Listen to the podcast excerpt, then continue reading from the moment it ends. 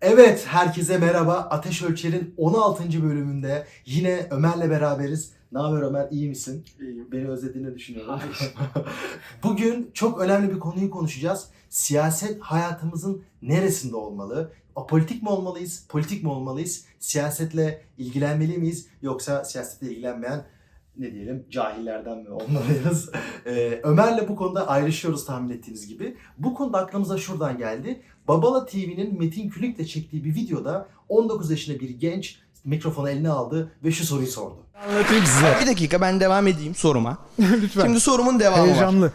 Heyecanlı değilim sadece sinirliyim. 19 yaşında siyaset konuşmak benim ağrıma gidiyor. 19 yaşında 19 yaşında ben gezmek, tozmak istiyorum. Burada Hep gelip bunu söylüyorum zaten yani programlarımda Marmaray'la biliyorsun. gelip Metin Bey'e soru sormak değil de kendi arabamla gezip tozmaya yeğlerim buraya gelmektense, heyecanlı olmaktansa. Ne? Evet Yaşar videoyu izledik. 19 yaşında siyaset konuşmaktan keyif alıyor muydun? Alıyorum. 19 yaşında siyaset bilimi okuyordum yani. Evet. Ee, on, yani söz sözleri şu 19 yaşında siyaset konuştuğum için sinirliyim. Marmara'ya gelip Metin Külünk'e soru sormak ağrıma gidiyor. Ben hiç unutmam. Ortaokuldayız. Ee, 7. 8. sınıfım. Şey siyaset dert konuşuyorsun. Siyaset zaten konuşuyorum da kafamda bir soru var. Osmanlı niye battı? Gerçekten buna takmış bir çocuk. Bu soruyu kafasına takan bir kişi daha var biliyor musun? Şevket Pamuk. Ciddi misin? kafasını takan bir Biraz o kitap yazdım onun üzerinde kafa, kafayı takan 8. sınıfta ciddi bir soru sormuşsun. Aynen. Google'a yazıyorum. Hiç unutmuyorum Google'a. Osmanlı niye battı? Dandik siteler çıkıyor tamam mı? 8 sebep. İşte ekonomi çok kötüydü. Doğa sınırlarına ulaştı. Doğa sınırlarına ulaşmıştı. Fena değilmiş bu arada. Hani Şey şeyden var. daha iyi. Oktay Sinan'dan daha iyi. Buradan şuna geliyorsun. Sen siyasetle en küçük yaştan itibaren Tabii. ilgileniyordun. Ve ben de ilgileniyordum. Bence Türkiye'de biraz şu da var. Türkiye'de siyasetle zaten erken yaştan itibaren ilgileniyorsun. Çünkü zaten çok hararetli, tansiyonu yüksek bir ülke. Doğrudan Evet. siyaset hayatına etki ediyor. Şimdi ben bu konudan bir tweet attım. Tweetimde de şunu söylüyordum. İki noktaya değiniyorum. Birincisi 19 yaşında bir insan siyasetle ilgilenir. İlgilenmeli bence. İlgilense iyi olur çünkü da hayatını doğrudan ona etkiliyor. İkinci nokta başka bir nokta. Onu videonun ilerleyen noktasında konuşuruz. 19 yaşında altında bir araba olmalıydı ve gezmeliydi vurgusu. Burada çok ben böyle hazcı bir vurgu görüyorum. Çok böyle amaçsız bir vurgu görüyorum. Bunu da insanı mutsuzluğa sürükleyeceğini düşünüyorum. Ama onu da istersen ilerleyen noktada konuşuruz. İlk nokta 19 yaşında siyaset konuşmaktan öfkelenen biri. Bence 19 yaşında siyaset konuşacaksın zaten. Daha ne yapacaksın? Siyasetle ilgilenmek deyince aklıma güzel bir laf geldi. Nedir? Lenin'in, Üstad Lenin'in. Bak bana Hiç sevmezsin. sevmiyorlar. Hiç diyorlar. sevmezsin. Kesin işine yarıyor diye kullanıyorsun bu Hayır. olayı. Ben zeki adamları severim. Siyasetle sen ilgilenmezsen siyaset seninle ilgilenir. Kardeşim seni çok tebrik ediyorum. Erbakan'ın da bir lafı vardır. ne diye? Der ki "E, Müslümanlar siyasette ilgilenmezse sizi İslam'la ilgilenmeyen siyasetçiler yönetir. İşte çok doğru. Şimdi Doğru, bu iki katılıyorum. söz İki sözü kesinlikle sevdim. Şimdi bizde şöyle bir anlayış var. Eşinin ehli insanlar gelsin. Bu kalıplar çok sevilir. Liyakat sahibi insanlar siyaseti düzeltsin.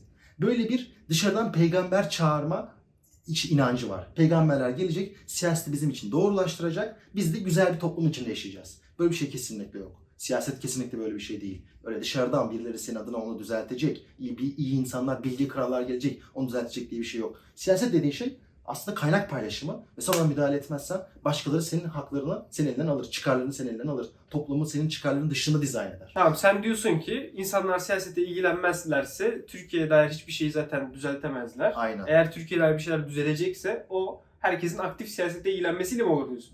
Onu olur diyorum. İkincisi de şu. Aktif Oğlum, siyasete ilgilenmek ne, Ne demek? demek? Güzel bir soru bu arada. Bu arada kimse de insanlardan şunu da beklemiyor. Rawls'un siyaset teorisini konuş. İşte mikroçiplerin politik ekonomisi hakkında bilgi sahibi ol. Alman kap- kapitalizm tarihini anlat. Böyle bir şey kimse beklemiyor. Buradaki temel vurgu aktif vatandaşlık, vatandaşlık bilinci. Senin mahallende ne oluyor? Senin ülkende hangi problemler oluyor? Yani ülken hangi politikaları düzenliyor? Neden mesela kadınlar sistematik olarak öldürülüyor? Bunu bilince ne oluyor? hangi partinin bu problemi çözeceğine e, daha kolay karar veriyorsun. Mesela oy verdiğinde o partinin gerçekten senin senin hassas olduğun konuları, değerleri, politikaları gündemine alıyor mu? Ya da alıyor, almıyorsa almaya zorluyorsun. Ya şöyle bir şey oluyor mu? Sen şuna inanıyor musun gerçekten? Mesela Batı iyi falan diyoruz ya. Batı gelişmiş demokrasi, refah vesaire. Orada şöyle mi oldu? Sıradan insan, normal insan siyasette çok ilgiliydi. Çok aktif siyaset yaptı ve o sayede Almanya Almanya oldu. Ben zannetmiyorum. Şöyle oldu. Tabii ki Anladın mı soruyu? anladım. İşte Avrupa'daki her ortalama insan muhtemelen işte e, ne diyelim ekonominin yönetimi, siyasetin yönetimi, çevrenin yönetimi hakkında bilgi sahibi değil.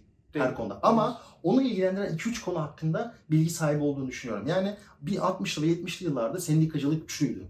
Ve o insanlar kendi maaşlarının artırılması için, kendi yaşam koşullarının artırılması için o konuda mücadele etti. İşçiler bu konuda mücadele etti. Öğrenciler mesela 68 hareketinde işte üniversitelerin hem eğitim durumu ama orada kültürel sebepler falan da var. Bunun için mücadele etti. Ben insanlardan şeyi beklemiyorum. İşte 15 konuda konuşsun. Sınırlı bir ajandası var zaten. Yani senin gün içine düşündüğün, Ben önemsediğin. Şunu sorgulayalım istedim. Hakikaten o Batı'da bugün özendiğimiz kurumlar, özendiğimiz yapılar insanların çatır çatır siyaset yapması sonucunda yani halkın çatır çatır siyaset yapması sonucunda mı oldu? Hı hı. Yoksa aslında elitler arasında dönüyordu orada da hikaye. Ben dürüst olayım. Ben zaten siyasette elitlerin yürüttüğünü düşünüyorum. Evet. Her yerde elitler Senin cevabı ver diye Ama-. Öte yandan Evet. Abi böyle bir şey yok. değil. Yani hiçbir zaman sıradan halk o kadar siyasete çok etkili oldu, dahil oldu da sıradan halkın istekleri yönünde hareket etti elitler. Ondan sonra da harika yerlere gittiler. Böyle bir şey olmaz. yani bağlı. dediğine katılıyorum. Ben de zaten elit siyasetin siyaseti Evet. şekillendirdiğini düşünüyorum. Ama buradaki Ama- çocuğun vurgusu ne? Ya zaten İlgilenmek onlar yapsın. Ben Evet. ilgilenmek istemiyorum. Ya biraz da hani şey e, ona da bir anlamaya çalışalım. Vurgusu şu. Siyaset o kadar çok hayatımızı etkiliyor ki ben Evet. de ilgilenmek zorunda kalıyorum. Ama benim iddiam şu zaten. Siyaset senin her zaman hayatını ilgilendirecek. Evet Türkiye'de şu an bir yönetim krizi var. Evet işte e, insan Siyaset siyaset, nerede daha çok etkiler senin hayatını? ekonomi. Yok. Nerede, hangi e, ülkelerde daha çok hayatını müdahil olur? Bence dandik ülkelerde daha çok olur. Evet. Bak bunu kabul edelim. Yani müreffeh ülkelerde Tabii siyaset daha az hayatını etkiler. Benim iddiam da şu ama. Dünyada bir kriz var tamam mı? Bunu Bekir Ağırdır anlatıyordu. Hani dünya değişiyor işte evet. çok konuştuk ya bu küreselleşme, sanayisizleşme, sanayisizleşme, toplumun dönüşümü falan. Bu bir deprem etkisi yaratıyor diyor. Bu Ha. depremi Türkiye gibi ülkeler daha şiddetli yaşıyor. Çünkü kurumlar onu böyle sismik Absorbe dalgaları ediyor. absorbe etmiyor. Hatta büyütüyor. Buna kesinlikle katılıyorum orada. İnsanlar şey anlamasın. Türkiye'de siyaset insanların hayatını çok ciddi etkiliyor. İnsanları mutsuz ediyor. Yani artık yaşamla kurduğun bağ, hayatla kurduğun Tabii. bağ sarsılıyor. Buna hiçbir lafım yok. Ama benim iddiam şu. Zaten bunun aşmanın yolu da siyasetle ilgilenmek. Yani bunu aşmadan nasıl çözebilirsin Tamam ki? da burada adamın itirazına çok da şey olmuyor bence, dokunmuyor mu? Adamın dediği şey şu. 19 yaşında ben şunu dert etmek isterdim. Ya ben bu hafta sonu nerede partileyim? Hı hı, Ben bu işte sevdiğim kıza nasıl açılayım? hı hı. Da arkadaşlarla şurada takılalım mı? Bence bu haklı bir talep. Şu anlamda haklı bir talep. Düzgün işleyen bir ülkede böyle olur genelde. Hı hı. Benim İngiltere'ye ben gittim. 19 yaşında kendim gibi ailenin çocuğu vardı. Çocuk siyasetin sesini bilmez ve ilgilenmezdi. Nerede gezeyim, nerede takılayım, nerede serserilik yapayım onun peşindeydi. Hı hı. Benim gördüğüm batıdaki çoğu genç Hı hı. bu tarz bir hayatı yaşıyordu zaten. Yok buna reddetmiyorum. Ve bence yani zaten bunu bunu istemek ve bunu talep etmek Türkiye'deki bütün gençlerin hakkıdır ve bugün Türkiye'deki gençler ne zaman siyasete daha az ilgilenir bil ki o zaman Türkiye zaten biraz düzlüğe çıkmıştır. Ama benim iddiam da şu zaten. 13 yaşındaki çocuk tanesini yapıyor ya, sokak röportajına çıkıyor. 13 yaşında siyasete dair bir sürü şey söylüyor. Bu kadarı yazık ya. Zaten bunları kötü bir şey olduğunu söylemiyorum ama iki itirazım var. Birincisi 19 yaşında da aslında seni etkileyen siyasi şeyler var. 19 yaşında da insanlar tamamen eğlensin, tamamen hiçbir şey düşünmesin değil. Hayır bilinçli olacaksın. Çünkü hala o yaşta devletin ekonomi politikaları, devletin yurt politikaları, devletin işte bölüşüm politikaları senin hayatını hala etkiliyor. Onun hakkında söz sahibi olmazsan daha az devletten pay alırsın. Tabii yani siyasetle ilgilenmesi normatif olarak daha iyidir diyorsun. sen. Daha iyidir. Çünkü siyaset bir bölüşümdür. Ve bölüşüm de sen dahil Ya öyle bir olmazsan etkin olmaz tabii de etkilemek çok şu- kolay değildir hayır. siyaset. kolay değil. Ama öğrenciler sokağa çıktığında neden olay oluyor? Çünkü insanlar heyecanlanıyor. Gençlerin söz sahibi var diyor. Üniversitelerde olay oluyor. Tüm gazeteler onu konuşuyor. Şu- Gençler olarak da biz kendimizi siyaseten edilgen görmemeliyiz. İkinci nokta bence benim söylediğim şey şöyle bir senaryo değil. Ee, tamamen insanlar siyasete adanmış ve 7-24 siyasete konuşan insanlar ya, tabii ki hafta sonu nereye gitsem hangi film izlesem diyebileceğim şey olabilir ama aktif vatandaşlık bilincini geliştirdiğim ve aynı zamanda eğlenceyi e, önemsediğim bir senaryo da var olabilir. Hı. Kaldı ki Avrupa noktasında da gençler o kadar siyasetle ilgilenmiyor mu emin değilim. Özellikle yeşil siyaset onlara yeni bir ruh kattı. Çünkü seninle şey konuşmuştuk. Kapitalizm ve sosyalizm videosunda. E, kapitalizm etosunu kaybediyor. Hı. Sanki özellikle Avrupa'daki gençlerde yeşil siyaset yeni bir etos oldu. Onları mobilize etti. Aynen. Bence kadın siyaseti öyle. Kadın Feminizm siyaseti öyle. öyle. Antipopülist bir şey söyleyeyim. Belki insanların hoşuna gitmeyecek. Yani siyasetle ilgileniyoruz dediğin şey tweet atmak. Yok işte aa niye bu böyle? İşte bunun aslında siyasetle ilgileniyoruz dediğim şey siyasetin olumsuz etkisini yaratmak. Bu doğrudan siyasete katılım, siyasi bilincin yükseldiği bir noktaya gitmiyor. Yani insanlar siyasetin e, onların hayatın etkisi neticesinde toplumun sosyolojik dönüşümleri, neden AK Parti hala insanlar oy verdiği gibi daha siyasetin mekanizmalarını öğrenmiyor da daha orada bence reaksiyoner bir tavır oluşturuyor.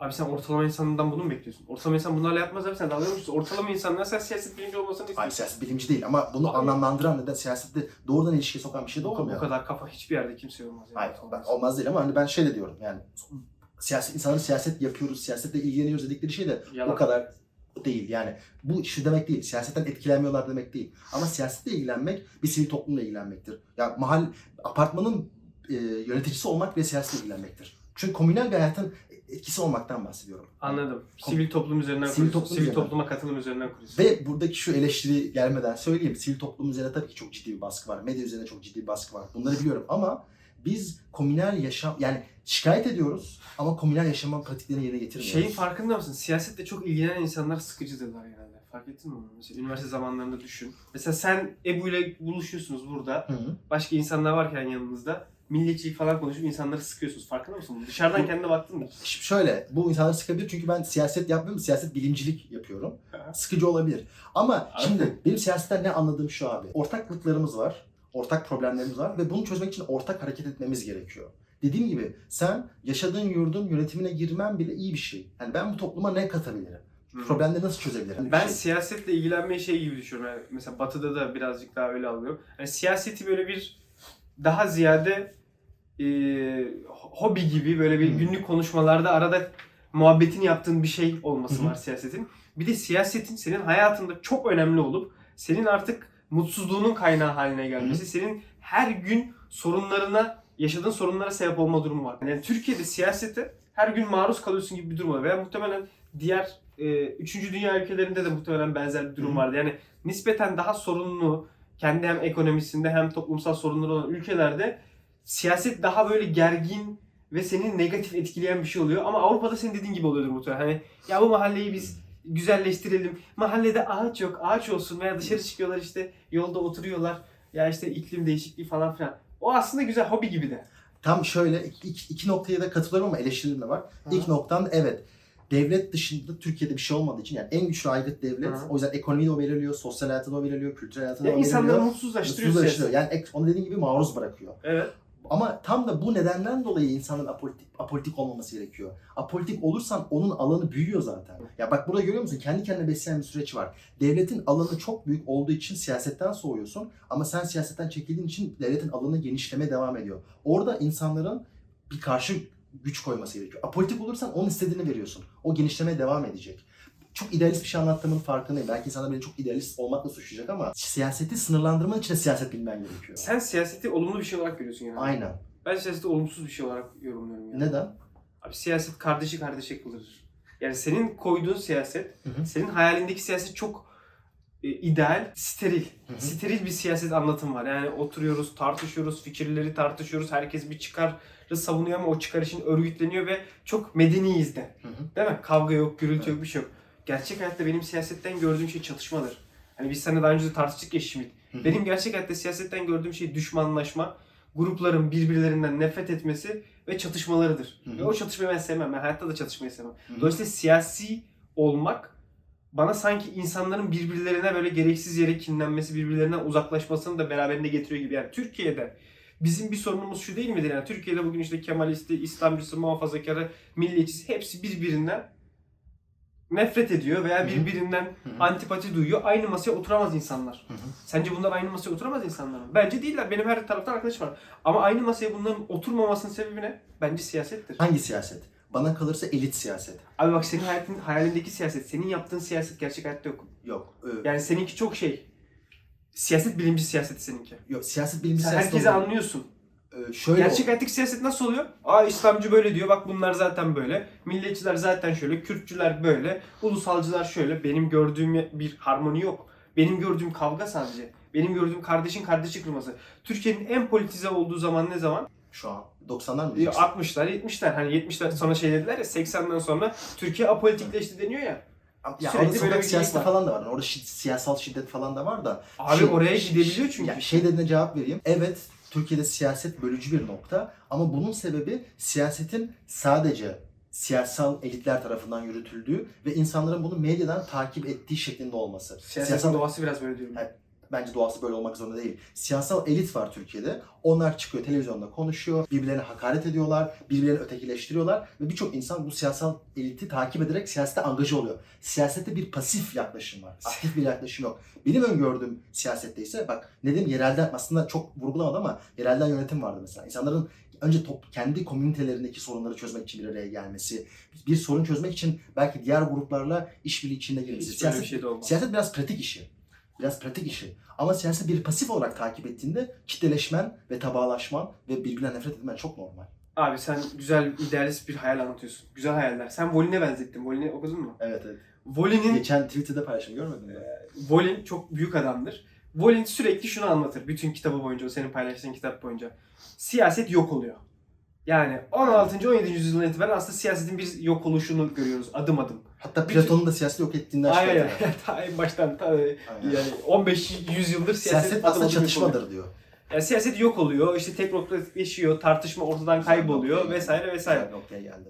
Ben mesela Volin'i okurken şunu düşünmüştüm hep. Abi evet bütün eleştiriler doğru. Evet herkes siyasetsiz bir yere doğru götürüyor bizi. Marx'ı da öyle, Russos'u da öyle vesaire vesaire.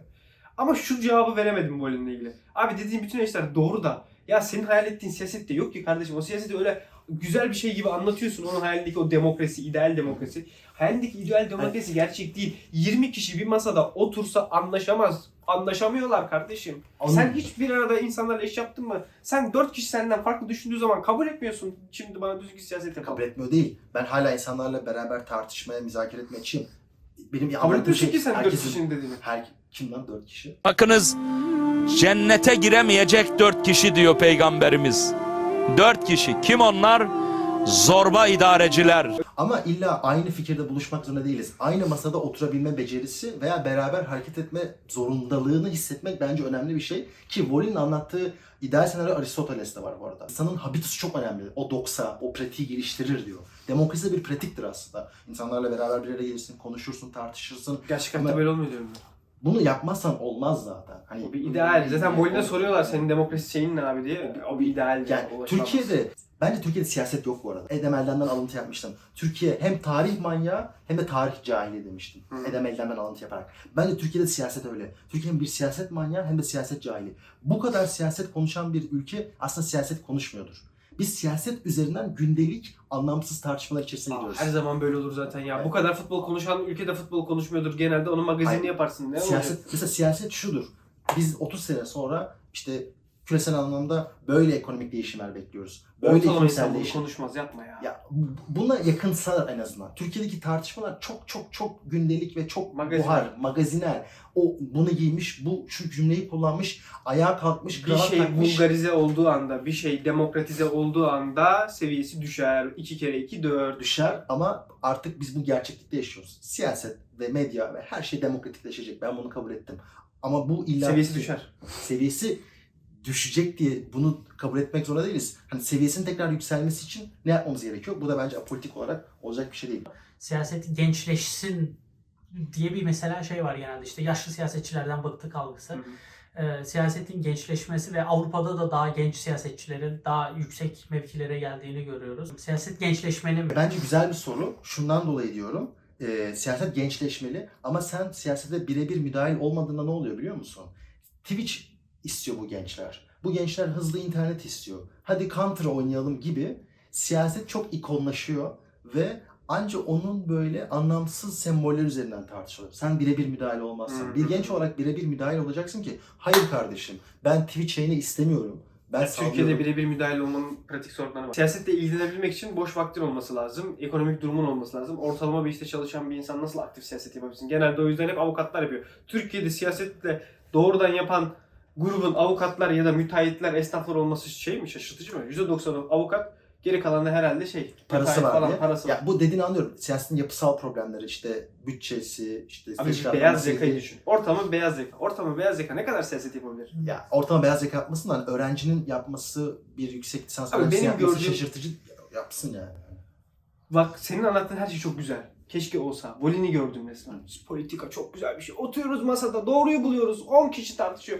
Ben gerçek hayatta öyle bir şey çok az gördüm ya. vulgar- vulgarize ediyorsun ya. Yok yok vallahi az gördüm ya. Oğlum 20 kişi bir masaya oturduğu zaman kavga ediyor eğer farklı fikirdeyse. Yani Sen bir oturt bakayım 20 tane siyasete farklı fikirdeki adamı bir ortak nokta buluşacaklar mı? Bu bir parlamenter fantezidir. Bak ben Şimitçiyim bu konuda. Bunlar kavga ederler. siyasetin kurumları da çok önemli. Almanya'da bahsettiğim kurumlar Siyaset oluyor. bitmiş. Avrupa'da siyaset bitmiş. Avrupa'nın farkı bu. Şundan şikayetçi oluyoruz değil mi biz gençler olarak? Dinlenmiyoruz, anlaşılmıyoruz. Siyasetçiler bizi anlamıyor. Ya 60 yaşında bir Ben ondan o adam, kadar emin değilim. 60 60 yaşında yaşında bir nasıl erkek. anlamıyor ya? 60 yaşında bir erkek yani 1960'ta doğmuş biri seni anlayamaz. Bambaşka bir zihin kodu var. Bambaşka bir değerler kodu var. Hayatta öngördüğü şeyler farklı. Onun zamanında herkes tek tip giyiniyordu.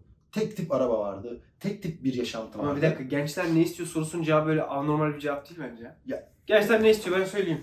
Gençler ekonomik refah istiyor. Gençler daha özgür olmak istiyor. Baskılanmamak istiyor. Bu. Yani bence bunu 60 yaşındaki bir erkek de anlıyordur. Ya Çok an- zor bir şey değil. anlayamaz. Rocket science değil yani. Şöyle oluyor. Güzel. Ama Gençler Counter Strike oynamak istemiyor. siyasetin pratik sorunlarından bahsettin ya.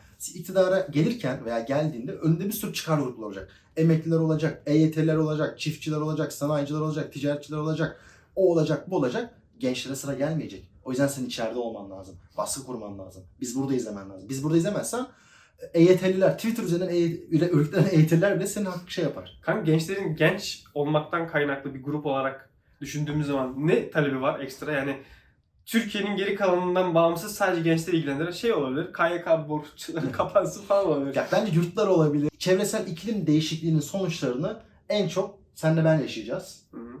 ve bizden daha çok da bizden genç olanlar. Şimdi şu an 60-70 yaşında olan biri bununla neden ilgilensin? Neden bunu ciddiye alsın? Yani ikinci bir nokta Almanya'da mesela bir şey anayasa şey dedi. Gelecek hakkı diye bir şey var dedi. Şimdi gelecek hakkı gençleri ilgilendirir. Çünkü geleceği biz yaşayacağız. Hı. Dolayısıyla ülkelerin geleceğini kurgulayabilmesi için de gençlere daha fazla söz hakkı olması lazım. Sana başka bir şey söyleyeceğim. Başka bir şey söyle. Kişisel bir şey. Bence ben hayatımı siyasetle anlamlandırıyorum. Öyle öyle 50 kere de. Ya, ya şöyle siyaset sen, sen neydi? 15 yaşında ben si- siyaset okumak istiyorum, şey ne yapayım, dünyayı anlamlandırmak istiyorum deyip siyaset mi okumuştun? evet. Sen garip bir çocuksun. İnsanlardan Ee, kendin gibi olmalarını Ya bekliyorsun. kendim gibi olmalarını İnsanların bekliyorum. anlamanı bekliyorum Yaşar. Yok şöyle Abi diyeyim. 19 yaşındaki adam ben BMW mi alsam yoksa şunu mu alsam, şu bara mı gitsem, o kafeye mi gitsem Bir- bir- derdinde olsa daha iyi olur abi. Yani şöyle Ben söyleyeyim. hakikaten bak bir siyasetle ilgilenen, siyaseti çok seven biri olarak 19 yaşındaki adamın oturup ya işte bu Türkiye nasıl kalkınır dert etmesini istemem abi. Yani Türkiye nasıl kalkınır diye dert etmesin de şunu dert etsin. İşte 6 yaşında bir kız niye evlendiriliyor falan dert etsin yani. Abi siyasette çok yakından ilgilenen, benim tanıdığım herkes çok mutsuz abi.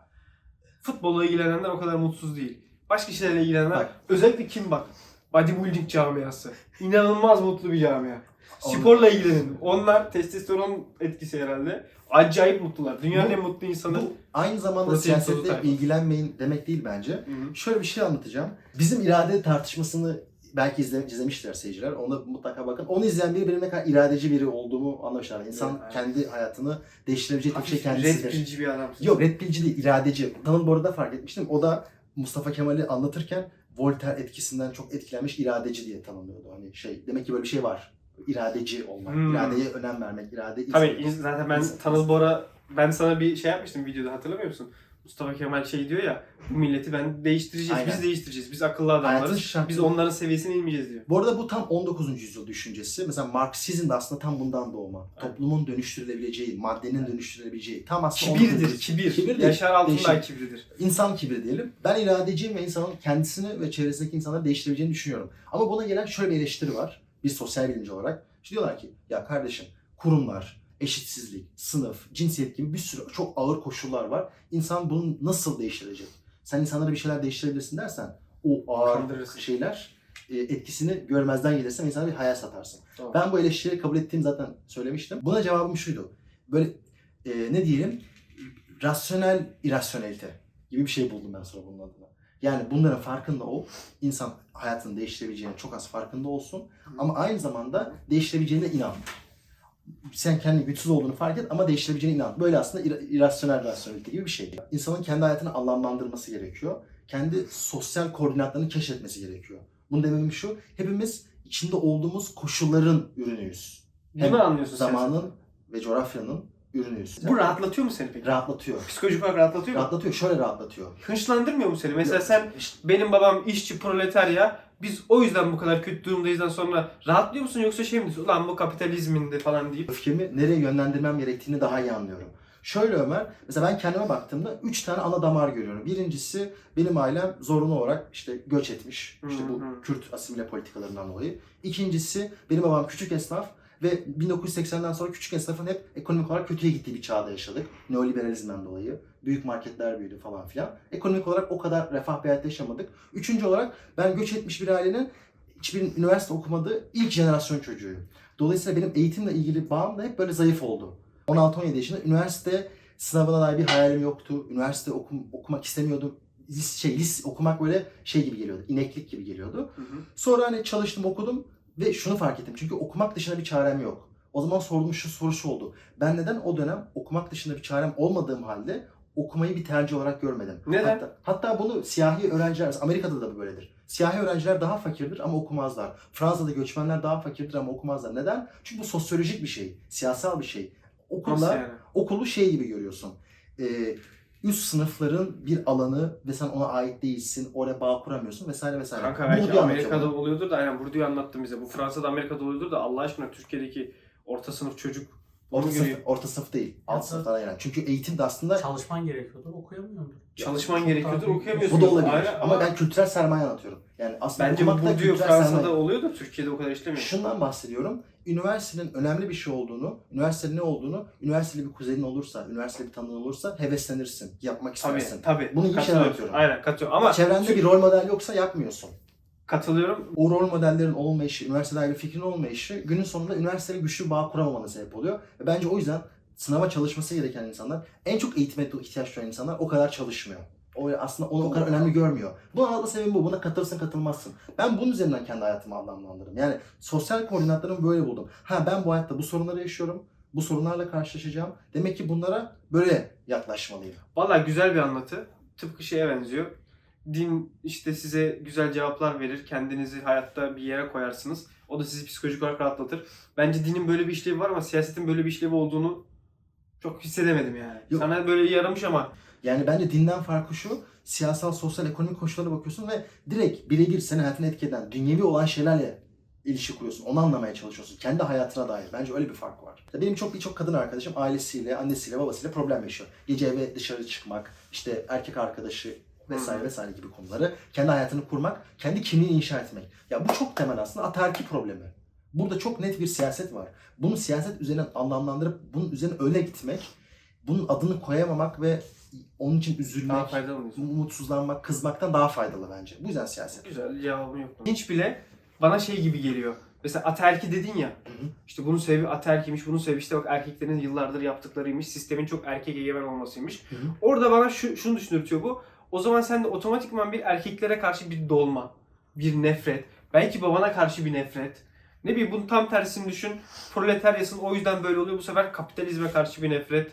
Kapitalistler dediklerine karşı bir nefret. Sanki bana o isimleri koymak ve suçluları bulmak, "Aa, işte sebep de buydu, bunlar suçluydu demek daha negatif bir yere doğru gidiyor gibi geliyor bana. Adını koymak iyi bir şey değil mi ama? Yani işte bir patronun seni iki saat çalıştırıp her gün daha fazla çalıştırıp Hı. o mesai ücretini vermemesinin arkasındaki yatan dinamiği görüyorsun. İyi şey ne bilmiyorum. Yani orada belki bilinçlenmek iyidir mi? Soru biraz oraya doğru gidiyor. Sen şimdi bilinçlenmişsin.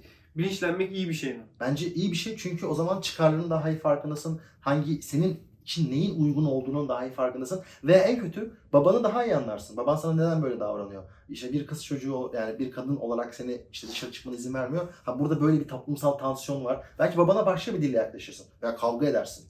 Ebu'nun dediği şey de bu arada doğru. Ebu diyor ki belki de sen mutsuzsun. Mutsuz olduktan sonra bakıyorsun ya bu şey ne, sebepler ne? Ondan sonra siyasileşiyor da olabilirsin. Tamam bu da olabilir ama adını koyuyorsun ve öfkeni ve mutsuzluğunu daha doğru yerlere kanalize etmek niye kötü bir şey olsun? Yani seni mutsuz eden şey ekonomi olsun. O zaman bu ekonomi nasıl düzelebilir? Ya da ne buradaki temel problem ne? Ya yok işte ben, bana şey gibi geldi ya. Apolitik olmak veya Türk toplumunda herkes apolitikse o bana sanki şeyin bir göstergesi gibi geliyor. Tamam bizim çok bir derdimiz kalmamış. Bak sen şey gibi O onun in- göstergesi, indikatörü gibi geliyor. anladım. Öyle değil mi? Mesela Türkiye'de hiç siyaset bitti gibi düşünün. Kimse hiçbir şey tartışmıyor. Bu şey demek değil mi aslında? Bütün sorunlar bitti. Refah bir şekilde yaşıyoruz.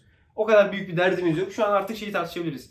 Ya iklim falan bir şeyler oluyor. Yani bakıyorsun İskandinavya'da falan tartışılan konulara yok hayvanat bahçesinde hayvan yalnız kalmış. Ona ne olacak? Sen de aramızdaki fark şu Ömer. Hı hı. Sen e, diyorsun ki keşke Türkiye apolitik ol, olacak bir noktaya gelse de Aynen. olmaz. O Ben- sonuçtur zaten. sen sonuca bakıyorsun. Sonuca ben diyorum ki bakıyorum. o sonuca gitmek için bile ki ben hala herkesin apolitik olduğu bir senaryoyu doğru bir senaryo olarak görmüyorum ama Sen sanki onu aynen normatif O- olarak doğru bulmuyorsun. onu normatif olarak Ona şey yaptım ben. Ben Ama- onu normatif olarak problemsiz görüyorum. Ama ben senin dediğin noktaya gidebilmek için de insanların siyasete katılması gerektiğini düşünüyorum. Şu noktada. Kamuoyu nasıl oluşturulur? Evet. Kamuoyu dediğin nedir? Sivil toplum nedir? Bu insanların hiçbir siyasete ilgilenmezse bir e, mesela hoşuna gitmeyen bir şey olduğu zaman veya işte toplumun tepkisini çeken bir eylem yapıldığı zaman yöneticilerden eğer toplum ortak bir şekilde karşı gelemiyorsa, bir kamuoyu oluşmuyorsa o zaman nasıl zaten Evet. denge kurulacak? Yani baktığında mesela hatta iktidarlar şunu yapmaz mı? Bu konu siyaset üstü. Siyaset Aynen. yapmayalım. Ha, apolitik Yani işte mesela bir bir şey. maden kazası olur. Bu konu siyasetileştirilmiyor. Bugün acımız var, yaz günü bugün, kaderdir gibi böyle konuları zaten depolitize etmeye çalışırlar. Evet, Bence depolitizasyon öyle tehlikeli bir yanı da var. doğru. Ne zaman bir konu konuşulmasın ister, ne zaman orada bir çıkar çatışması vardır ama o çıkar çatışması gün yüzüne çıkmasın, orada güçler kendi koltukları zarar görmesin isterler. Hemen bu konuyu kapatmaya çalışırlar ve adını da siyaset üstü koyarlar.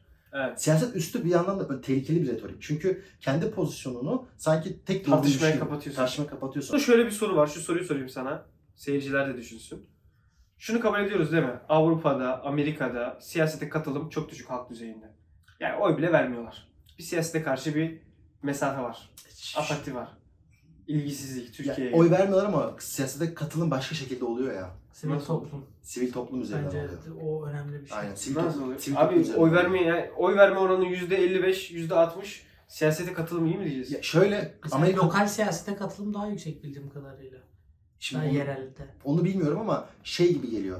Amerika biraz ayrı bu arada. Amerika'da katılım falan yok. Amerika çünkü şey bir toplum. Amerika tam bizim e, belki senin hayal ettiğin toplum. Yani elitler var. Elitler Aynen. yönetiyor zaten. Amerika çok başka düşünmek lazım. Avrupa'da falan ama biraz daha şey siyaset yerel dinamikler üzerinden. Sendikalar, çiftçilerin işte o kurdukları Sen kooperatif ama yine üzerinden- gruplar yani- üzerinden değerlendir. gruplar Gruplar üzerinden. üzerinden değerlendir. Sıradan halk olarak baktığın zaman oy vermek siyasete en düşük katılım şeklidir. Tamam. Ya en basit şeydir, en ufak şeydir. Bunu bile sağlayamıyorlarsa Ama orada oy vermek çok önemli gibi görmüyorlar. Bizde oy vermek de şöyle ilginç bir ilişki oy var. vermeyen insanlar sendikalara üyeler ve aktif bir şekilde siyaseti mi etkilemeye çalışıyor diyorsun? Yani oy vermeyen bir adam bunu yapar mı ya? Adam oy bile vermiyor. Ama işte bizim oyla kurduğumuz ilişki daha böyle önemli bir ilişki. Yani bence Katılıyorum. Oy demokrasinin- önemli değil o kadar. Yok yok hayır önemli. Hayır, şöyle- için önemli. Şöyle önemli değil. Demokrasinin kültürel bir tarafı da var gibi geliyor bana. Hangi kültürel pratik daha ön plana çıkıyor? Türkiye mesela oy çok önemli. Amerika'da da oy biraz daha önemli. Avrupa'da sanki bu işte protesto yapmak, sendikalaşmak. Abi oy vermeyen adam bana, bana bak minimum standart gibi geliyor. Oy önemli ama ilk aşama çok basit bir aşama. Onu herkes yapar diyorum. Oy bile vermeyen adam ama politize mi diyorsun sen? Ama oy, vermiyor ama oy politize mi? vermemek bile siyasi bir tavır aslında baktığın zaman. O da vardı da yüzde kaçtır abi? Ya benim demek istediğim şey şu. Sen de Oğlum Avustralya'da görüyoruz. Avustralya'da millet oy vermeye gitmiyor veya mayo ile gidiyorlar falan. Kimse umurunda değil. Bir Bir ortam şey var. boyutu da var. Türkiye'de oy verme oranları neden bu kadar yüksek? Yani 80'in sonrasına baktığımızda para cezası çıkartılıyor özel döneminde. Tamam şu an uygulanmıyor biz uygulandığı bir siyasete dönem var. bence... Si- biz, Siyasete biz çok angajeyiz, ilgiliyiz, yatıp kalkıyoruz. O yüzden oy vermek de çok önemli. biz- evet bizde siyasette oy vermek çok önemli ama siyasetin tek formunun oy olmasıyla da alakalı. Çok doğru bir eleştiri. Katılıyorum. Bizim siyaset yapmadan algıladığımız şey, siyasete müdahale olmadan algıladığımız şey sadece oyla sınırlı kalıyor. Bu çok doğru bir eleştiri. Ama şunu soruyorum ben. Avrupa'da adam oy bile vermiyor. Amerika'da oy bile vermiyor. Avustralya'da oy bile vermiyor. Sen bana diyorsun ki oy vermiyor ama başka şey yapıyordur. Hı. Bence başka şey kesin yapmıyordur abi. Türkiye'de siyaset ölüm kalım meselesi. Ölüm kalım meselesi olduğu için de çok ilgiliyiz. Tabii tabii, Bu katılıyorum. kadar çok insan oy vermeye gidiyor. Avrupa'da öyle değil. Eğer ölüm kalım meselesi olmasa bizde, bizde de mesela muhafazakar bir insan bilse ki sekülerler siyaset seçimi kazanırsa benim hayat tarzımda bir müdahale olmayacak. Aynı şekilde sekülerler bilse ki muhafazakarlar seçim kazandığı zaman benim hayat tarzıma bir müdahale olmayacak. Benim ekonomik durumuma bir müdahale olmayacak. Türkiye yine aynı şekilde eşit şartlarda gidebileceğiz. O zaman kimse bu kadar birbirini boğazlamaz. Ama biz şunu biliyoruz. Bizim adamımız geldiği zaman biz çok ciddi avantaj sağlayacağız. Karşıdakinin adamı gelirse de bizi yok edecek. Böyle bir ortamda tabii ki siyasetle ilgili olursun. Çünkü siyaset senin ölüm kalım meselen olmuştur. Yaşam meselen olmuştur. Tabii. Sorun bu. Benim dediğim de şu ama o noktaya gelebilmen için de yani o insanın seni ezmemesi için de senin zaten siyaset yapıyor olman lazım. Çünkü hiç, hiçbir dünyada şöyle olmayacak. Uzaylıların biri gelecek ve sana böyle bir sistem bırakacak. Ve o sistem böyle aa ne kadar iyi bir sistemmiş ya kimse kimse birbirine dokunmuyor değil. Siyaset aslında biraz zaten o çatışma, o herkesin birbirine diş gösterdiği aa senin dişin varmış pardon ben seni ısırmayayım dediğin senaryo. Bence biraz Avrupa'da veya Batı'da elit konsensus da oldu böyle. Hiç halkta böyle gruplar birbirleriyle çatışıp şey uzun. Uzaylılar bırakmadı da elit konsensus. Uzaylılar gibi düşünme, elitler gibi Yani şey 2 saat çalışma hakkı, grev hakkı bunlar nasıl geliyor? Üniversitelerde öğrencilerin yurt hakkı 68 kuşağı insanların da kesin bir etkisi var. Amerika'da Black Lives Matter'ın ilk şeyi e, sivil civil rights movement'lar falan insanların siyaset tepkisiyle yani insanların siyaset tepkisi de neyin konuşulacağını, neyin tekrar politize olduğunu belirliyor. Çünkü bak şöyle düşün. Senin o çerçeve dedin ya, çerçeve çizilmiş. Hı hı. Çerçeve bazen seni kör ediyor.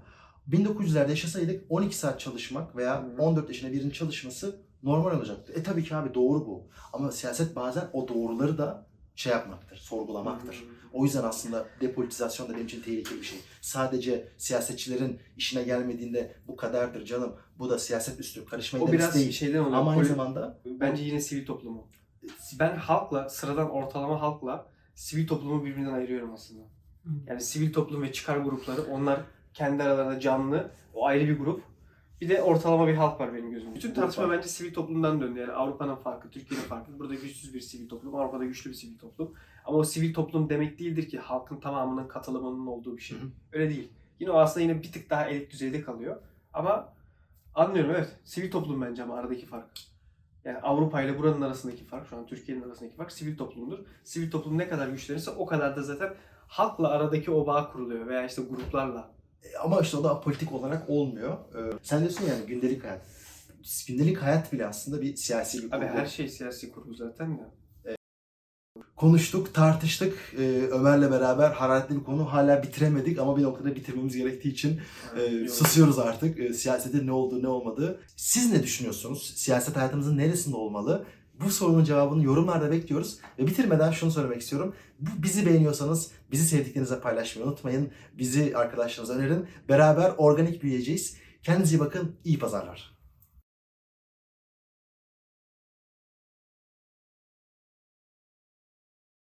Toplumsal olarak... Tık tık vurdular sanki ya. Aa dur pardon. İlk Yani defa bir videonun sonunda şey yani videodaki tartışma ikinizi tatmin etmedi tartışmaya devam etmek istiyoruz. Çünkü Hayır, yok. ayrı noktalardasınız bence. Şey- Ama sen yaşmayı sivil topluma çok indirgedin. Ben, bence. bana sivil toplum gibi geldi aradaki şey. Yok ama mesela ben şurada siyaset Hayır, yok bence- ya. Ee, yani mesela gündelik hayatta aslında yani şu.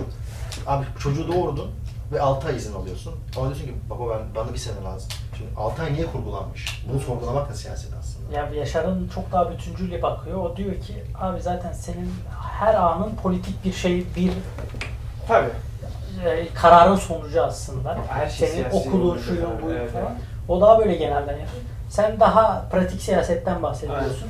Sen de diyorsun ki kardeşim bak Avrupa'da insanlar oy bile vermiyor. Aynen. E bu- ama Avrupa'da sivil toplum var. Sivil toplum var. Biraz Yani, daha ona yani şey halkın yapıyorum. %50'si belki hiç oy bile vermiyor ama kalan %50'den bir %5'lik bir grup var. O %5'lik grup çıkar gruplarını temsil ediyor. Aktif bir şekilde lobi Ben yapıyor. bana katılıyorum. Hiç lafım yok. Yani